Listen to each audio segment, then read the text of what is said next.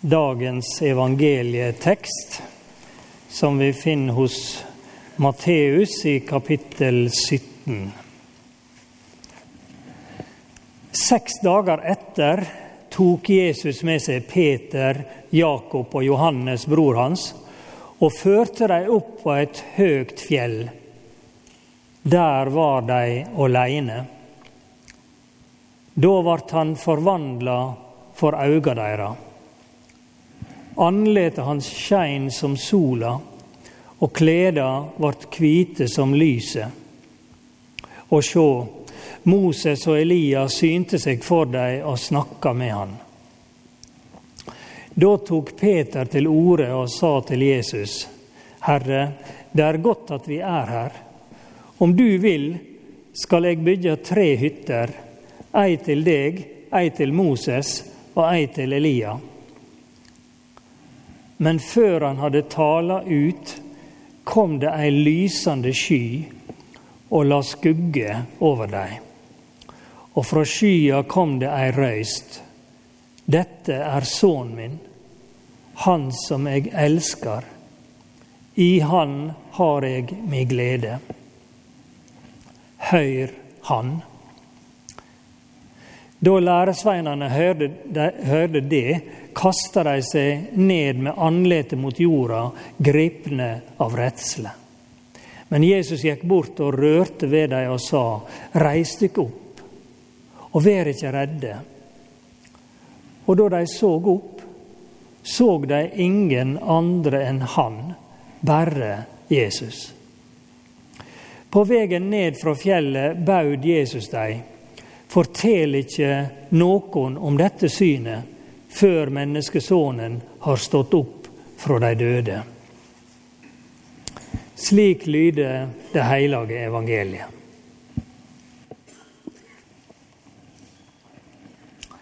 Jeg vil starte med å fortelle om noe jeg opplevde på, på et alfakurs, en alfakveld. Eh, temaet var 'Helbreder Gud i dag'.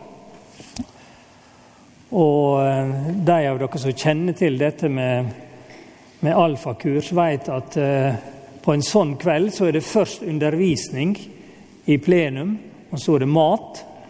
Og så er det samtale i gruppe uh, rundt kveldens tema. Og jeg ble helt forundra over det som skjedde den kvelden. For vi rakk ikke å gå i gruppe gruppe før den ene etter den andre retta opp handa og fortalte om sjølopplevde mirakel. Guds godhet, hans omsorg, hans inngrep blei formidla. Og der kom mange vitnemål før kvelden var omme. Må en være høyt oppe for å se Jesu herligdom. På livssynstorget blir det tilbudt mye forskjellig. Vår tid er gjennomsyra av åndelig lengsel. Det er en higen etter opplevelser. Mange som hører teksten i dag, skulle gjerne ønske seg ei ekstraordinær oppleving. Så slapp de tvilen. Det går an å tenke seg at juleevangeliet, altså Guds gave til oss mennesker i jula, at det er pakka inn ganske grundig, slik at det tar flere veker å pakke ut gåva. Omtrent sånn er kirkeåret vårt lagt opp. At nå er vi inne i åpenbæringstida, og vi tar av lag for lag av, for å, å, å få, få se selve gåva som er innerst. Og i dag så I dag heter det Kristi forklaringsdag. Og det, det markerer et, et høydepunkt. Um, og denne dagen så blir liksom siste rest av innpakningspapir fjerna. Ei røst fra himmelen. De, de apostlene som er til stades, får se Jesus slik som han egentlig er. Altså ikke bare snekkeren fra Nasaret, men Guds sønn i stråleglans. Uten solbriller, uten hørselsvern, så er det ganske voldsomt. Å møte Guds åpenbæra Sønnen i all sin glans. Og lærsveinene reagerer med to forståelige, men motstridende følelser. De blir begeistra, og de blir vettskremte. Først synet av Jesus gjorde de veldig begeistra. Et mektig inntrykk av Jesus som skein med sola sin glans, ble forsterka ved at de fikk besøk av to gamle venner, Moses og Elia. De hadde begge en udiskutabel posisjon i jødisk tru og historie. Om noen av oss skulle møte Heilag Olav og, og Martin Luther på en fjelltur, eh, så eh, er ikke det i nærheten av ei slik oppleving som dette her. Det er ulike teorier om dette litt sånn komiske som skjer da, at, at Peter vil bygge hytte. Um, Somme tenker at dette her skjedde under lauvhyttefesten. Den feirer jo jødene hver høst eh, til minne om ørkenvandringa når israelsfolket bodde i enkle lauvhytter og i telt. Og så, og så lager de eh, hytter og bor i dem i den veka som lauvhyttefesten varer. Og dette driver de med fortsatt i, i jødedommen. Andre mener at eh, Peter bare ønskte å ta vare på øyeblikket fryse det fast så lenge som det var råd. Her er det godt å være. La oss slå oss til.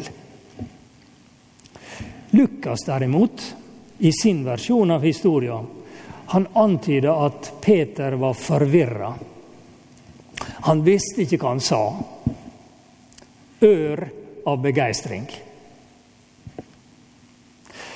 Men røysta fra himmelen gjorde de også redde.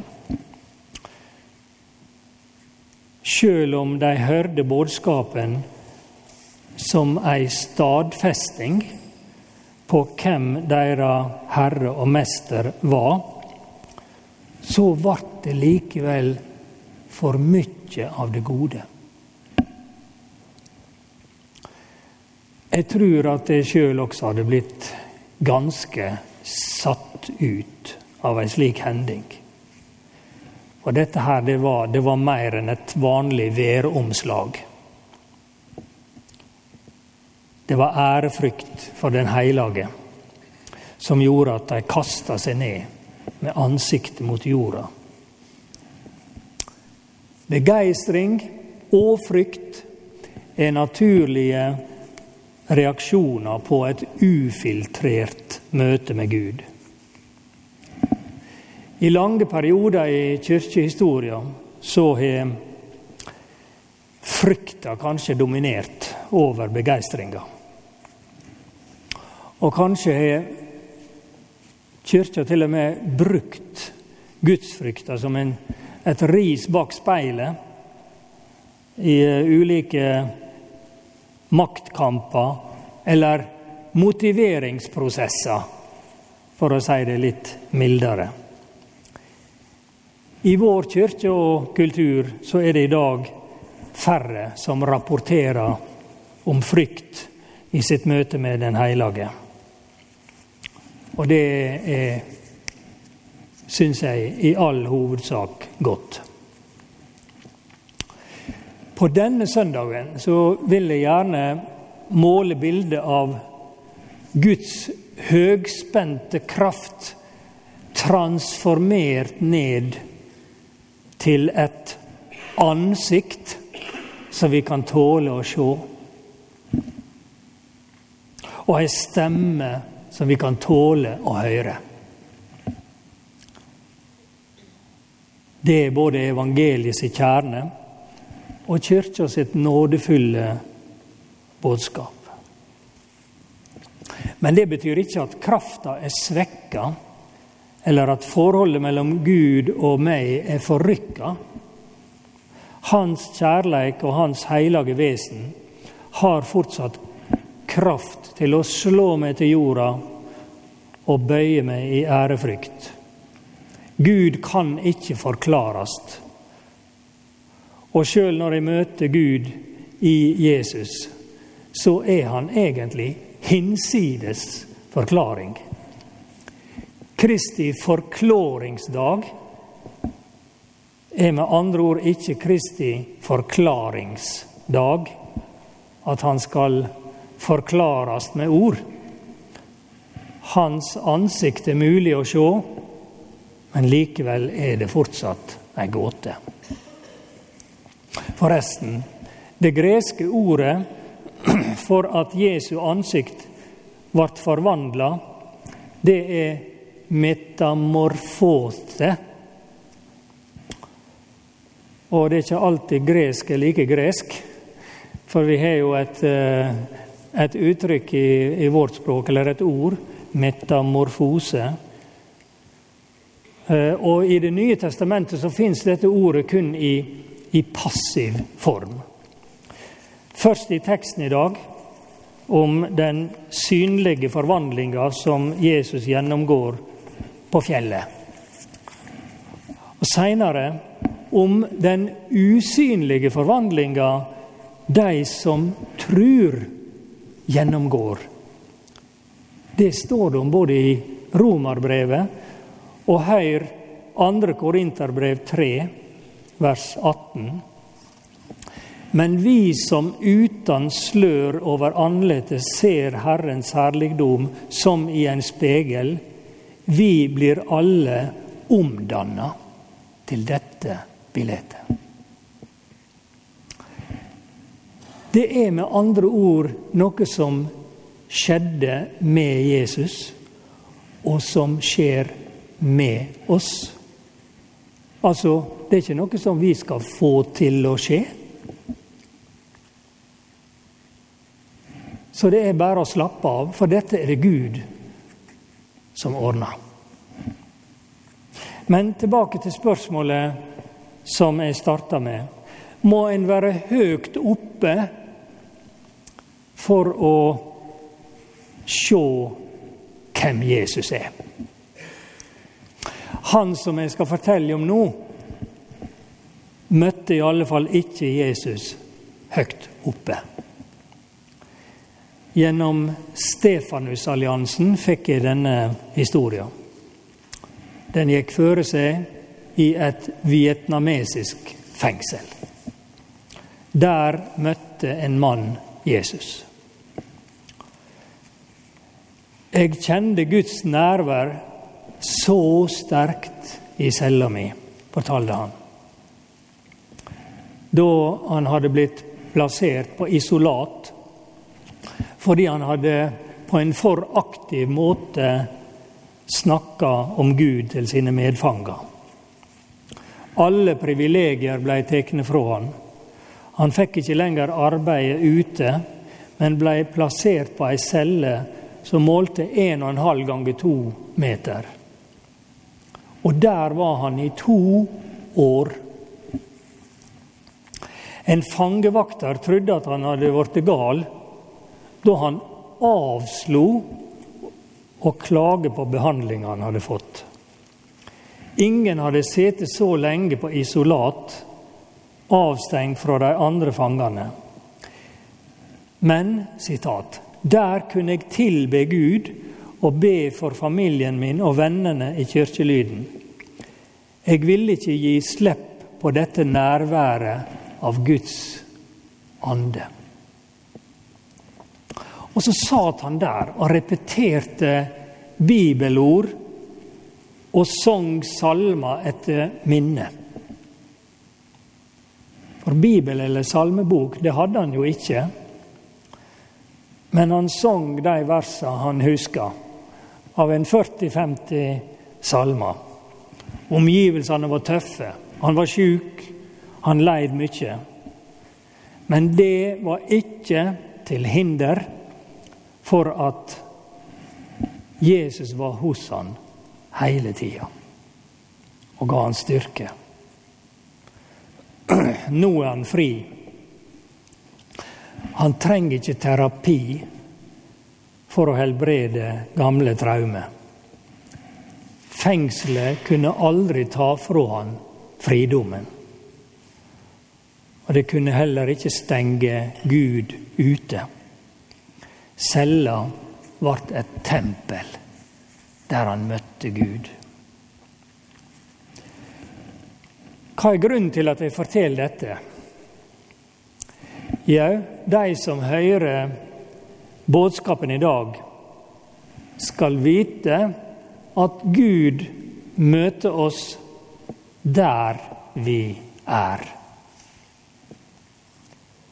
Enten vi er høyt oppe eller djupt nede, eller midt imellom en plass. Somme har fått sterke opplevelser med Gud, andre ikke. Vi kan uansett feste blikket på Jesus. En dag kommer han tilbake, lysende i Guds herligdom, slik de tre på fjellet fikk se ei kort stund. Når han kommer tilbake, da skal ikke det lenger være en, en visjon som liksom toner ut, men en ny tid har begynt, og lyset vil vare ved.